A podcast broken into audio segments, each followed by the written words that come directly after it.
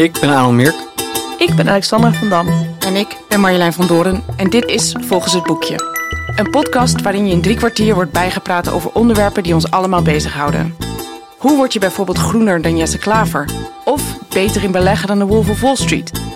En kun je zo zen worden dat de Dalai Lama jaloers op je wordt? Het concept is simpel.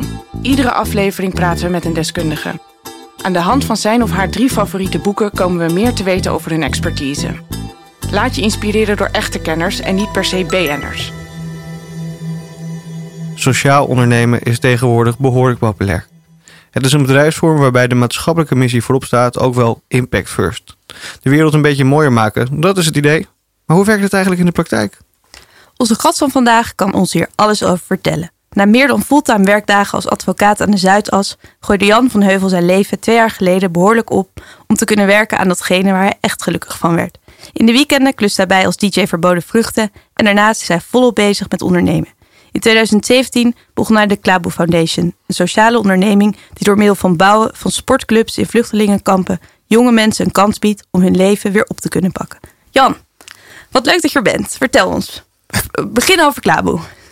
Ik begin over Klaboe. Ehm, hoe lang hebben we? Uh, we hebben ongeveer drie kwartier. Ja, nou ja, Klaboe. Ehm, het, uh, het is nu mijn leven. Ik sta ermee op. Ik ga ermee slapen. Uh, en ik geniet ervan elke dag. Ik ben heel blij dat, dat ik dit ben begonnen. Maar het is zo nu en dan ook heel hard doorwerken. nu 3,5 jaar bezig. Wat, wat zou je willen weten? Kan je ons kort even vertellen wat Klabo doet? Oké, okay, nou ja, zoals je zei, we bouwen sportclubs in vluchtelingenkampen. Um, en dat doen we, zoals jij ook heel goed zei, om eigenlijk weer een vuurtje aan te wakkeren in het leven van mensen die dus daar vastzitten in kampen. Uh, en dan hebben we het niet over kampen die hier in de buurt zijn, maar echt ver weg. Mensen die echt geen uitzicht hebben op een toekomst. Die daar gemiddeld 17 jaar zitten. Dus dat is altijd een getal waarvan ik denk, wow, ja. heel veel kinderen zijn daar opgegroeid. Um, en ik heb dat meegemaakt zelf, omdat ik stage heb gelopen bij de VN en uh, in een kamp in Ghana heb gezeten. Dus uh, vanuit die ervaring uh, wilde ik iets gaan doen. En vanuit de liefde voor sport, um, gecombineerd met dit doel, is Klaboe geboren. En hoe lang geleden was het ongeveer dat je met dit idee begon? Het was drieënhalf jaar geleden. Um, ik ben advocaat geweest, 4,5 jaar. Um, heb heel hard gewerkt. Uh, op de Zuidas inderdaad. En toen was niet meteen het moment dat ik dacht... oké, en nu gaat de hemel open. Ik ga aan Klaarboe beginnen. Maar ik heb toen een jaar genomen om um, eigenlijk mijn horizon te verbreden. En ik ben in de filmwereld gaan werken. Ik heb een cursus scenario schrijven gevolgd. Twee maanden lang. En um, een script voor een korte film geschreven. Uh, en een jaar de filmwereld meegemaakt. En eigenlijk vanuit daar um, gekomen tot de kern van wat ik echt wilde gaan doen. Dus uh, nee, toen heb ik drie dingen opgeschreven die ik echt wilde, uh, waar ik me mee bezig wilde houden. En dat was één, vluchtelingen als doel. Twee, sport. drie, rechtvaardigheid. Vandaar ook het recht uit de advocatuur. En, en vier, muziek. En die ben ik toen gaan combineren. Echt gaan kijken van hoe kan ik daar iets mee uh, knutselen. En uh, van loonslaaf die in minuten moet schrijven naar zelfstandig ondernemer. Hoe bevalt die switch? Um, nou, het is uh, veel minder in restaurants eten. dat in ieder geval.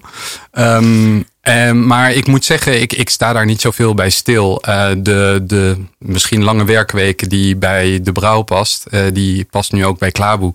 Als je ergens vol voor gaat, dan uh, zul je daar, ja, dan, dan valt al het andere weg. En als je maar een helder doel voor ogen hebt, denk ik, is het belangrijk. Dat is het belangrijkste. Dan maakt het niet uit of je loonslaaf bent of zelfstandig ondernemer. En wat er dan op je rekening staat, ja, dat, dat daar moeten we het niet over hebben. Ik zag dat je heel veel publiciteit ook hebt gescoord, nationaal en internationaal ermee. Um, wat, wat heb je bereikt verder dan dat het verhaal bekender is geworden? Nou, het is een hele goede. Um, kijk, ik, ik ben Klaarboe begonnen om clubs op te zetten in vluchtelingenkampen. Um, en zo'n club daar opzetten, dat kost tijd en geld. Ehm, en wij zijn een, een start-up stichting. Ehm, dus we hebben geld nodig. En wij hebben één club gebouwd in Kenia. En willen nu meer clubs gaan bouwen. En daar is dus geld voor nodig. Dus eigenlijk sinds de lancering van Klaboe in mei zijn we gaan fondsen werven en bekendheid creëren. Uh, om daarmee volgende clubs te kunnen bouwen. En nu is net het goede uh, nieuws gekomen. En we kunnen er nog niet helemaal mee naar buiten. Maar dat we, we hebben een scoop. nou, wel een beetje. Ja, we hebben een sponsor gevonden die drie nieuwe clubs um, gaat financieren. Hoeveel kost dat? Uh, dat kost ongeveer een ton per club. Zo. Ja, dus uh, dat, uh, dat, dat is niet niks. En, uh, wij, en, en daarmee kunnen we dus nu vooruit. En dat is het doel. Dus eigenlijk tussen mei, lancering en nu zijn we alleen maar met marketing bezig geweest. En daarom heeft die publiciteit ons gebracht bij zo'n sponsor. Mm -hmm. En je mag nog niet zeggen wie het is, begrijp ik. Het is een grote voetbalclub um, uit, uit het buitenland. Spannend. Nog één vraag. Uit welk land? uh, Catalonië misschien? Nee, nee, maar het heeft dezelfde Ik denk dat daar het geld op is. ja. Dat is de rijkste club nu, geloof ik. Um, dus die kunnen we een handje helpen, dacht ik. Laten we beginnen met het eerste boek. Uh, dat is een boek wat je misschien niet helemaal verwacht in deze context. Het is een boek namelijk van Roald Dahl. The Tales of the Unexpected. Een verzameling korte verhalen. En Daal behoeft eigenlijk natuurlijk geen uh, introductie meer voor de luisteraar. Uh, hij is beroemd met al die kinderboeken zoals Mathilda en de grote vriendelijke reus. Um, hij wordt in de, Nederland de laatste jaren steeds vaker erkend voor zijn korte verhalen, ook voor volwassenen. En net als in zijn jeugdwerk schuwt uh, Daal ook in dit boek de absurditeit niet. Het resultaat is, zoals de titel al schetst, volkomen onverwacht. Wat was vroeger eigenlijk je lievelingsverhaal van Roald Dahl? Nou, ik zal je vertellen. Ik heb een beetje een rare jeugd gehad, omdat ik uh, in het buitenland ben opgegroeid in heel veel verschillende landen. Um, zo ook uh, trouwens vluchtelingen meegemaakt. Um, en ik heb nooit. Uh, ik heb veel kinderboeken meegekregen. Maar ik heb nooit Basje en Adriaan meegekregen. Of Roald Dahl. Ik heb van alles meegekregen. En ik kan niet echt, als mensen het hebben over hun uh, jeugd, kan ik mij niet echt herinneren. Wat was nou mijn lievelingsboek? Ik weet dat ik heel veel verhalen heb gehoord. Dus ik kan eigenlijk nu dat invullen. Um, maar dat, dat zou geen recht doen aan, uh, aan het verleden. Dus ik, ik weet het niet. Maar er is een boek wat je. Ben je opgegroeid met een boek van Roald Dahl? Ik heb er vele heb ik, uh, heb ik meegekregen en ik, ik kan er vele herinneren. Um, maar ik moet zeggen dat de verhalen die mij het meest zijn bijgebleven, dat zijn de verhalen uit dit boek. Kan je er iets over vertellen? Waarom is dit je een van de drie boeken die je uitkoos om het te hebben over je carrière als maatschappelijk bewuste ondernemer? Nou, Um, kijk, Roald Dahl um, schrijft in het boek twintig korte verhalen. Het zijn uh, pagina's per verhaal. Uh, dus dat vind ik het mooie ook aan korte films. Wat ik vertelde waar ik, waar ik mee bezig ben geweest als scenario schrijver. Um, het de spanningsboog is, is kort. Dus uh, er moet echt iets goed staan. Als het niet goed is, nou ja, ben je na twintig pagina's weer verder. Dus dan kan je naar een volgend verhaal. Als het wel goed is, geniet je er intens van. En wat ik zo mooi vind, uh, en er is vooral één verhaal van uh, uit dit boek, wat ik echt fascinerend vind. En dat heet Parsons Pleasure. Um, en dat gaat over een antiek handelaar in de jaren, wat is het, 60 of zo, die langs boerderijen gaat, oude boerderijen, op zoek naar antiekmeubels die hij voor een prikkie probeert te uh, kopen van arme boeren. En die verkoopt hij dan weer door voor heel veel geld.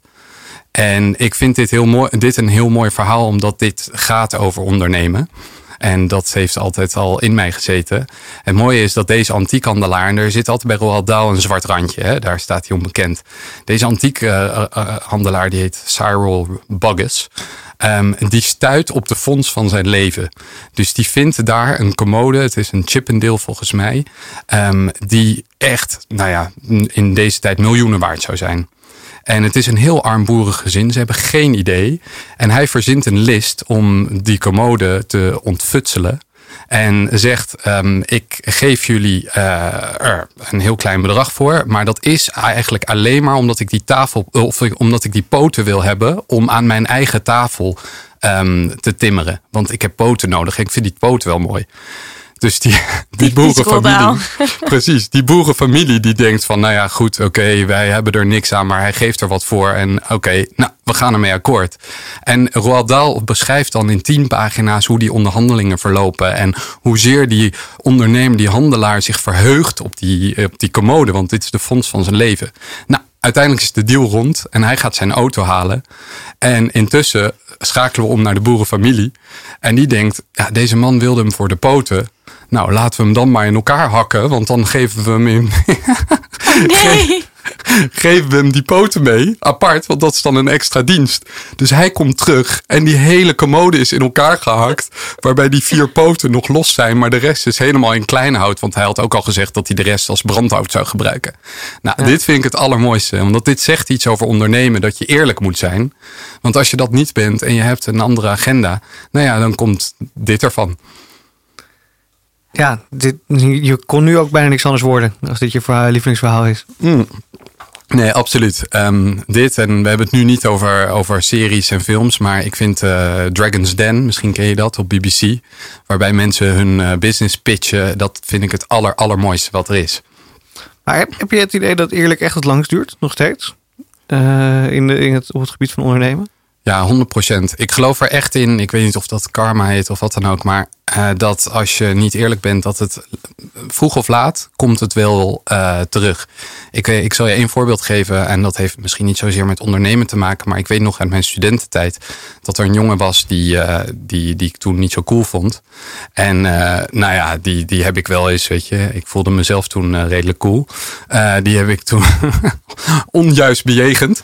En die kwam ik toen tegen bij de brouw, waar ik ging werken, ehm, in een hogere positie dan ik. En opeens kwam ik die jongen tegen. Ik geloof echt. En dat was zo'n les, want ik moest met hem samenwerken. En hij wist natuurlijk donders goed wie ik was. En uiteindelijk is het allemaal goed gekomen. Maar het komt altijd terug. En ik denk de makkelijkste manier om hier eh, een lijn in te trekken is gewoon altijd eerlijk zijn. Ja, en ik, ik wil het heel graag met je hopen, maar dan denk ik aan de, de grootste bedrijven van dit moment, Amazon, Facebook, die niet bepaald bekend staan om hun ethische eh, kaders. De Amazon, Jeff Bezos, de rijkste man van de wereld, personeel onderaan de keten wordt echt uitgeknepen, moeten timen hoe lang ze, hoe vaak ze naar de wc gaan per dagdeel. Facebook natuurlijk met de verkiezingen, de schandalen. Ja, je wordt er wel heel rijk mee, toch? Ja, nou ja, dat, dat is, de vraag is, wat is dan eerlijk? Hè? Eh, dus ik heb het misschien nu over dat je integer bent. Eh, dus dat je niet eh, linksom iets anders zegt en rechtsom anders handelt. Maar hier zitten grote problemen. En hier gaat het over een eerlijke beloning bijvoorbeeld. Ehm, en daar sta ik ook helemaal achter. Dus ik wil niet zeggen dat de wereld goed in elkaar zit. Er is veel te verbeteren. Maar ik denk in de kern, als je nu iets zou starten. En volgens mij is er een record aantal KVK-inschrijvingen dit jaar. Allemaal mensen die hun eigen bedrijfjes beginnen. Dan kan je niet anders dan vanuit een eerlijk, eerlijk oogpunt beginnen. En ik denk ook, ik ben ervan overtuigd, dat je ook nog eens moet bedenken hoe je de maatschappij beter maakt. Dat dat de toekomst is. En dat wil niet zeggen dat je armoede oplost. Hè, maar dat je in ieder geval denkt, hoe kan dit waarde toevoegen? Eh, dus dat is ook eerlijkheid in brede zin. Ben je, ben je zelf wel eens op een soort ethisch kruispunt gekomen als ondernemer? Ah, constant. Ja, nee, constant. Ehm, ik weet nog wel eh, in Kenia toen wij onze eerste club eh, daar bouwden. We hebben een eh, lokale partner. En die hebben we daarvoor betaald voor hun werk. Want ze hebben allerlei dingen voor ons gedaan. Nou, er zat heel veel uur in en brandstof en weet ik veel. En toen maakten ze een berekening ervan. En ik zag dat ze een fout maakten. En dat scheelde echt een paar duizend dollar. Mm-hmm. En de vraag was, ga ik dit nu noemen of niet? Want het is een grote NGO en weet je, die paar duizend dollar maakt hen niet uit, maar ons wel. Um, en ik heb dat toen niet gedaan. En ik heb niks uh, laten weten. En toen heb ik daarna meteen met mijn team besproken. Van, heb ik hier een fout gemaakt? Had ik dit moeten laten weten? Toen zeiden ze, nou ja, weet je, het maakt hen niet zoveel uit. Uh, doe het maar niet. En uh, toen heb ik het gelaten. En twee weken later kreeg ik een, uh, een mail van de baas van deze uh, meneer. Uh, die zei er is een fout gemaakt en ja, we moeten dit rechtzetten. Dus toen moesten we alsnog gaan betalen. En dat was echt een probleem. Dus het, dat was een probleem omdat de betaling al was verricht. Nou ja, goed. Dus uiteindelijk, het komt altijd terug. En ik denk uh, steeds meer trek ik de lijn van hè, als je twee. En ik doe nu als ik, alsof ik een heilig boontje ben. Maar uh, gisteren had ik het ook weer. Was er bij een verjaardag twee stukken taart. En de een die was groter dan de ander. We hadden een nieuwe stagiaire. En ik zei, uh, Ahmed, wil jij een stuk taart? en ik had echt heel veel zin in dat grote stuk taart. Maar ik dacht, nou, zal ik hem die grote geven? Het is maar een stagiaire. Nou, uiteindelijk heb ik hem toch maar die grote gegeven. Ja, weet je, beter maar doen. Is ik zou sowieso het grootste stuk hebben gepakt. ja, ik heb eigenlijk spijt van. Zullen we maar doorgaan met boek 2? Ja, goeie. Het, tweede boek dat je hebt meegenomen is denk ik een super logische keus. Shoe Dog, het verhaal van de oprichter van Nike. Geschreven door Phil Knight. In dit boek geeft hij een uniek inzicht in de oprichting van het bedrijf als onzekere start-up en de ontwikkeling tot een van de werelds meest iconische en winstgevende merken. Hij praat over zijn eerste collega's en werknemers, een ongeregeld zootje buitenbeentjes dat snel een hechte vriendengroep wordt. Geholpen door de kracht van een gedeelde missie en een diep geloof in de spirit of sport, richten zij samen het merk op. Ik vond het super leuk dat je dit had meegenomen. Ik heb zelf ook heel erg genoten van dit boek. En ik denk eigenlijk dat het op alle fronten uh, heel goed aansluit bij jou en waar je nu mee bezig bent. Zowel sport als ondernemen en ook gewoon een lekker inspirerend verhaal. Uh, maar ik was wel benieuwd, is Phil Knight een, een inspiratiebron voor jou? Nou, ik zal je eerlijk zeggen, het is interessant, want um, ik vind Nike een inspiratie. Uh, ik vind uh, hoe Nike het merk manifesteert en wat zij bereiken met het merk en hoe het eruit ziet en het gevoel dat je krijgt als je die winkel binnenloopt en denkt, yes, let's do it, weet je wel, of just do it. Maar um, deze Phil Knight had ik nog nooit van gehoord, totdat uh, in mijn team Kelvin kwam. En Kelvin die heeft het logo ontworpen, die heeft de shirts ontworpen, want verkopen de shirts om daar geld voor op te halen. Die heeft 20 jaar bij Nike eh, gewerkt. En die zat vol verhalen over Nike.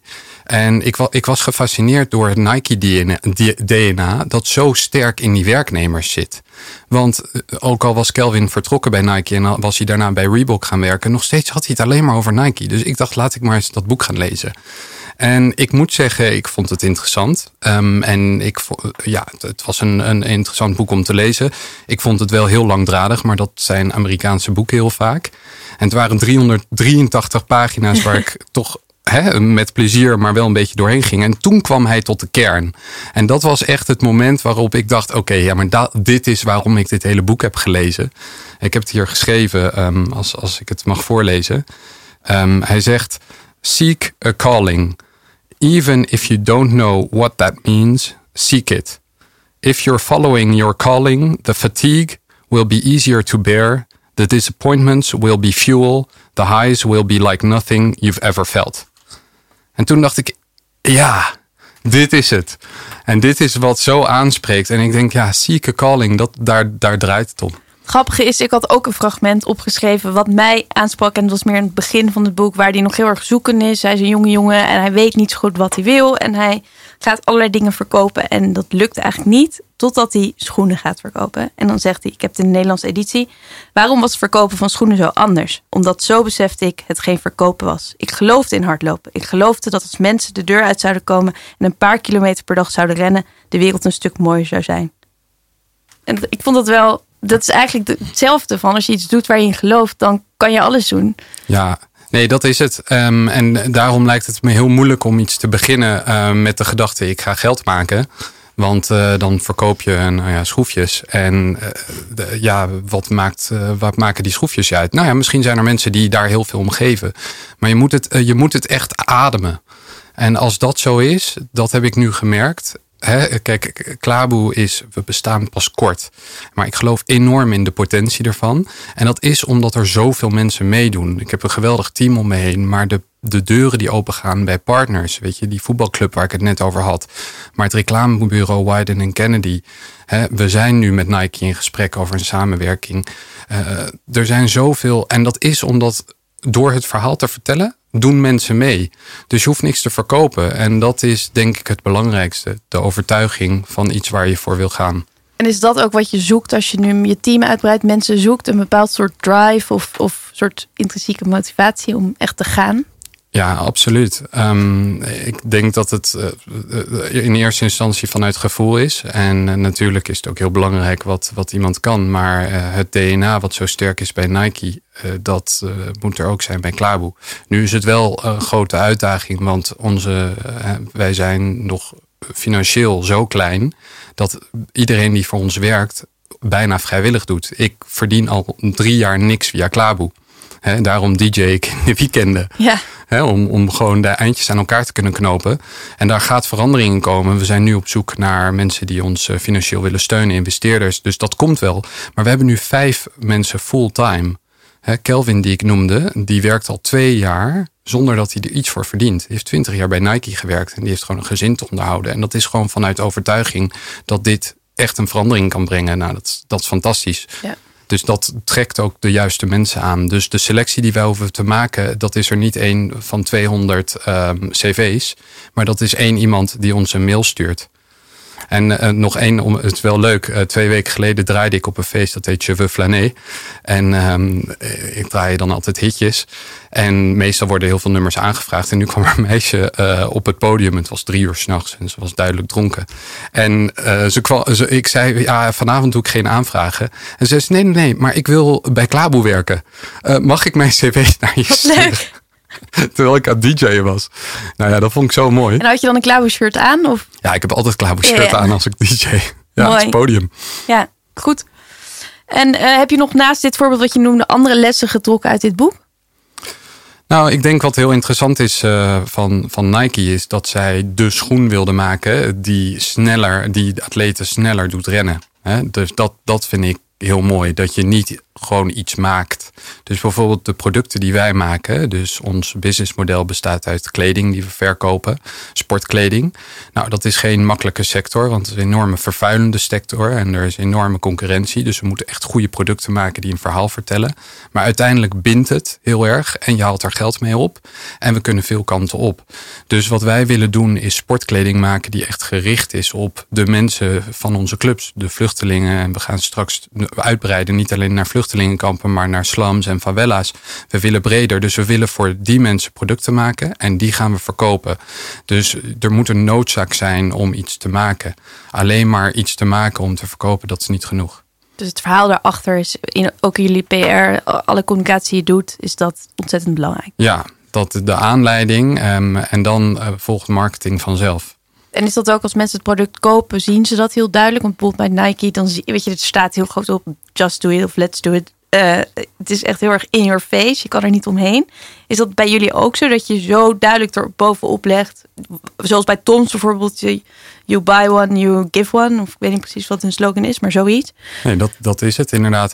Nou, daar kunnen we veel uh, aan werken. Weet je, um, er is zoveel uh, wat te verbeteren valt. Uh, uiteindelijk ben ik maar een advocaat die ook wat probeert. En gelukkig zijn er goede mensen aan boord. En zijn we alleen maar aan het verbeteren. En in juni komt onze nieuwe collectie uit. En dan zullen we al enorm vooruit zijn gegaan. Maar ik ben wel heel trots op wat er nu staat. Ik denk voor deze fase is het goed.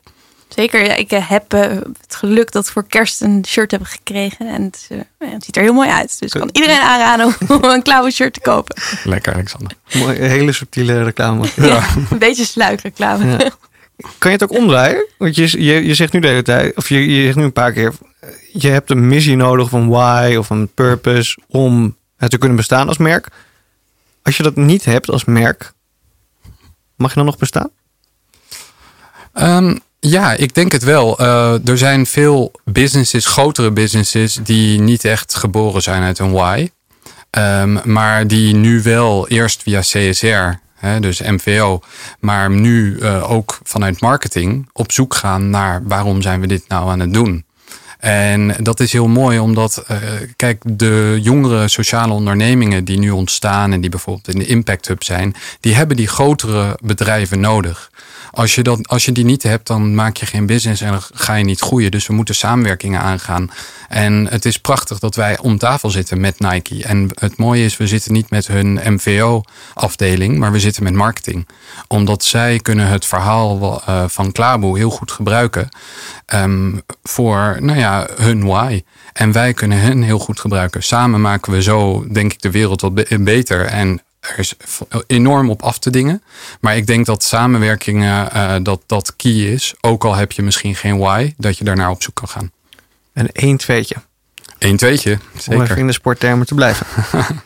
Gaan we naar het laatste boek. Uh, wat is de wat van Dave Eggers? Ik vond het een heel mooi boek. Uh, Dave Eggers kennen we natuurlijk van The Circle. Een verfilmd boek waarin ook al een scherpe maatschappijkritiek doorklonk. daarin op techbedrijven. Um, ook in Wat is de Wat zit er weer een stevig maatschappelijk component. We volgen namelijk het leven van Valentino Achak. Achak, Achak noem ik hem, maar ik heb geen idee. Hij verbetert me ook nooit hoor, Achak. Valentino Achak Deng. Een vluchteling uit Zuid-Soedan. Het dorp van Achak wordt uh, geplunderd. Moeders worden verkracht en ontvoerd en vaders worden vermoord. De jonge jongens tussen de, 18, uh, tussen de 8 en 14 vluchten richting Ethiopië. En toch weet Eggers dit zo te beschrijven dat het niet kitscherig wordt of aanstellerig of, of alleen maar verdrietig. Het wordt zelfs spannend. En dat is heel moeilijk, denk ik. Um, ik kon het boek moeilijk wegleggen, terwijl nou, naar dit soort toestanden kijken of daar naar lezen, ja, dat, dat is niet per se prettig. Dus dat vond ik heel knap. Dus ik raad het iedereen ook aan. Um, want het is een hele mooie, of nou, mooi wordt natuurlijk nooit, maar het is een hele knappe manier van zo'n Afrikaanse stamoorlog in beeld brengen. Wat vond jij eigenlijk? Hoe kwam jij met het boek in contact? Ik kwam ermee in contact uh, via mijn moeder, die uh, mij aanraadde toen ik het had over uh, vluchtelingen in Kenia. Want daar ging ik naartoe om die eerste club te bouwen. Die zei: Dit boek moet je lezen. Um, ik had erover gehoord en ik had The Circle eigenlijk al gelezen. Dus ik kende Dave Eggers, maar ik kende dit boek niet. Ik had het natuurlijk gezien, maar ik, ik wist er eigenlijk weinig van af. En net als jij was ik verkocht. Uh, heel aangrijpend verhaal dat niet alleen maar je leert over wat, wat vluchtelingenproblematiek is, hè, hoe stromen ontstaan, maar ook uh, hoe het leven in kampen is. En het mooiste wat ik eruit haalde, um, en dat is waar we het ook voor doen, is het enorme doorzettingsvermogen uh, van, van vluchtelingen die alles verliezen, letterlijk.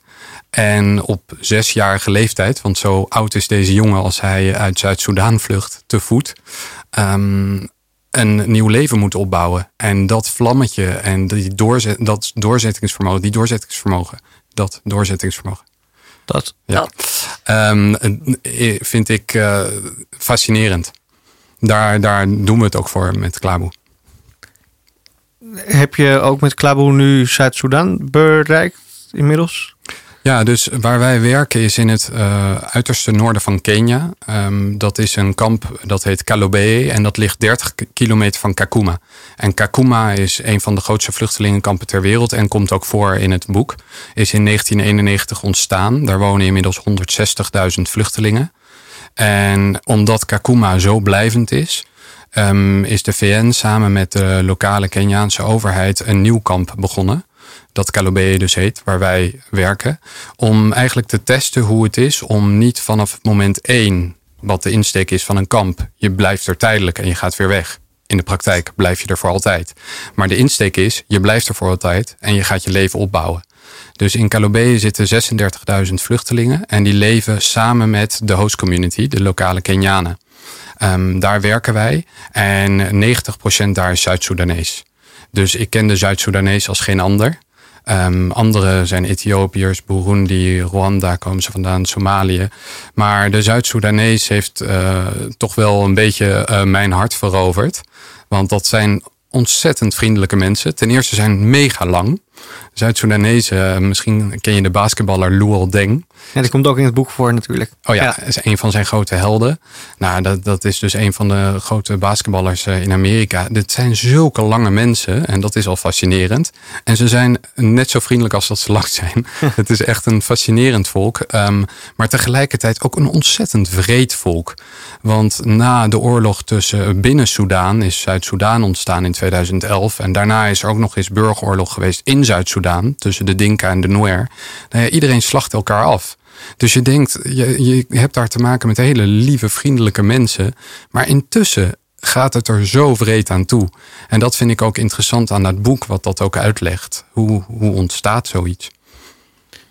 En wat, wat me ook opviel, eh, is dat er.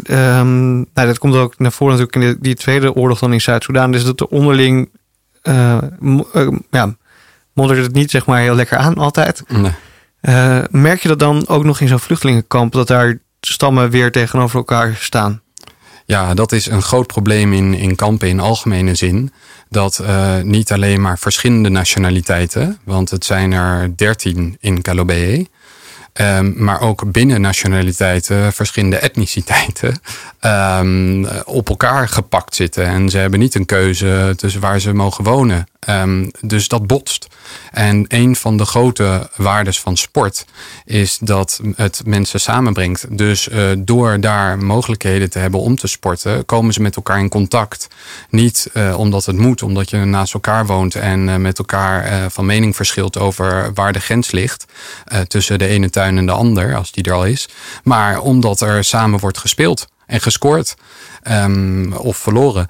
En, en dat is een hele. De, de sport wordt echt als middel ingezet. Um, in veel verschillende uh, omstandigheden, maar zeker in kampen om mensen bij elkaar te brengen. En kan je dan misschien wel leuk voor de luisteraar om te weten hoe, hoe jullie dat dan doen? Want je, je hebt het over de hm. sportclubs, maar ik kan me voorstellen dat blijft een beetje abstract. Ja, nou, ik ben dus. Uh, uh, ik, ik heb de VN letterlijk een mail gestuurd en gevraagd: mag ik naar een vluchtelingenkamp om te kijken of ik een concept kan bedenken dat sport blijvend mogelijk maakt in kampen? Want ik had meegemaakt in Ghana dat ik had een bal. Maar er was nergens een bal te verkennen. Dus iedereen was super blij met die ene bal. Dus ik merkte er was een probleem. Want er zijn wel activiteiten. Maar het probleem was toen ik daar in dat kamp kwam in Kenia, merkte ik, als er een bal is, dan raakt hij binnen een keer kwijt, wordt hij verkocht, gaat hij kapot. Um, dus we moeten een oplossing vinden voor de basis. En de basis is sportmateriaal en kleding. En kleding is heel belangrijk voor vrouwen, want als zij geen gepaste kleding hebben, bijvoorbeeld moslima's uit Somalië, dan sporten ze niet. Dus wij zijn met de lokale bevolking zijn we gekomen op concept wat een bibliotheek is. Heel simpel. Mensen kunnen spullen lenen en brengen ze terug. En uh, ik was daar drie dagen en ik heb Isaac uit Congo gevonden, een Congolees, dus die uh, wilde dit piloten met mij. En ik heb met 3000 euro toen van mijn bonus van de brouw letterlijk in Nairobi sportmateriaal gekocht, het laten vervoeren naar het kamp. En Isaac is het vanuit zijn huisje in het kamp gaan piloten het bibliotheeksysteem. Van mensen kunnen wat lenen, moeten terugbrengen. Toen kwamen zij zelfs met de feature: je moet er wat voor betalen als je iets leent. Echt heel klein bedrag, maar daarmee konden ze reparaties uitvoeren. En dat ging toen zo goed dat we hebben uh, besloten om een club te gaan bouwen, een clubhuis. Waar ze samen kunnen komen, wat veel meer is dan een uitleenbalie. Dus het draait om dat bibliotheeksysteem, maar waar ze ook samen kunnen komen om samen meetings uh, te hebben. Om, om, en dat heb je niet in een kamp. Want het draait daar echt om het hoogst nodige. Dus dit gaat beyond survival. En dat is heel belangrijk om je weer mens te laten voelen. Dus het systeem is een bibliotheekmodel dat mensen ook nog eens samenbrengt.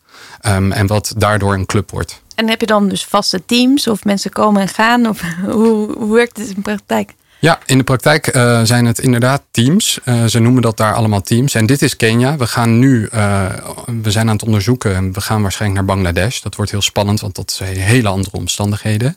Daar heb je het grootste vluchtelingenkamp ter wereld. 900.000 mensen. Ongelooflijk. Maar goed, dus in Kenia zijn het vriendenteams en die schrijven zich in. En zodra ze zijn ingeschreven mag de captain die mag spullen lenen. En dat zijn schoenen bijvoorbeeld. Uh, we, zijn, we hebben wat sponsors, uh, gesponsorde schoenen gekregen. Ballen, uh, fluitjes voor scheidsrechter. alles wat je nodig Shirts hebt. Shirts dus. En we kijken naar de top drie spelletjes, lokaal. top drie sporten. En twee staat basketbal vanwege de lengte van de Zuid-Soedanees. En drie volleybal, ook lengte. En dan uh, kijken we naar de top drie spelletjes. Want er zijn ook oudere mensen, kinderen en gehandicapten door de oorlog. Die dus uh, niet zomaar kunnen sporten. En die lenen dat en dan spelen ze het, brengen ze het terug.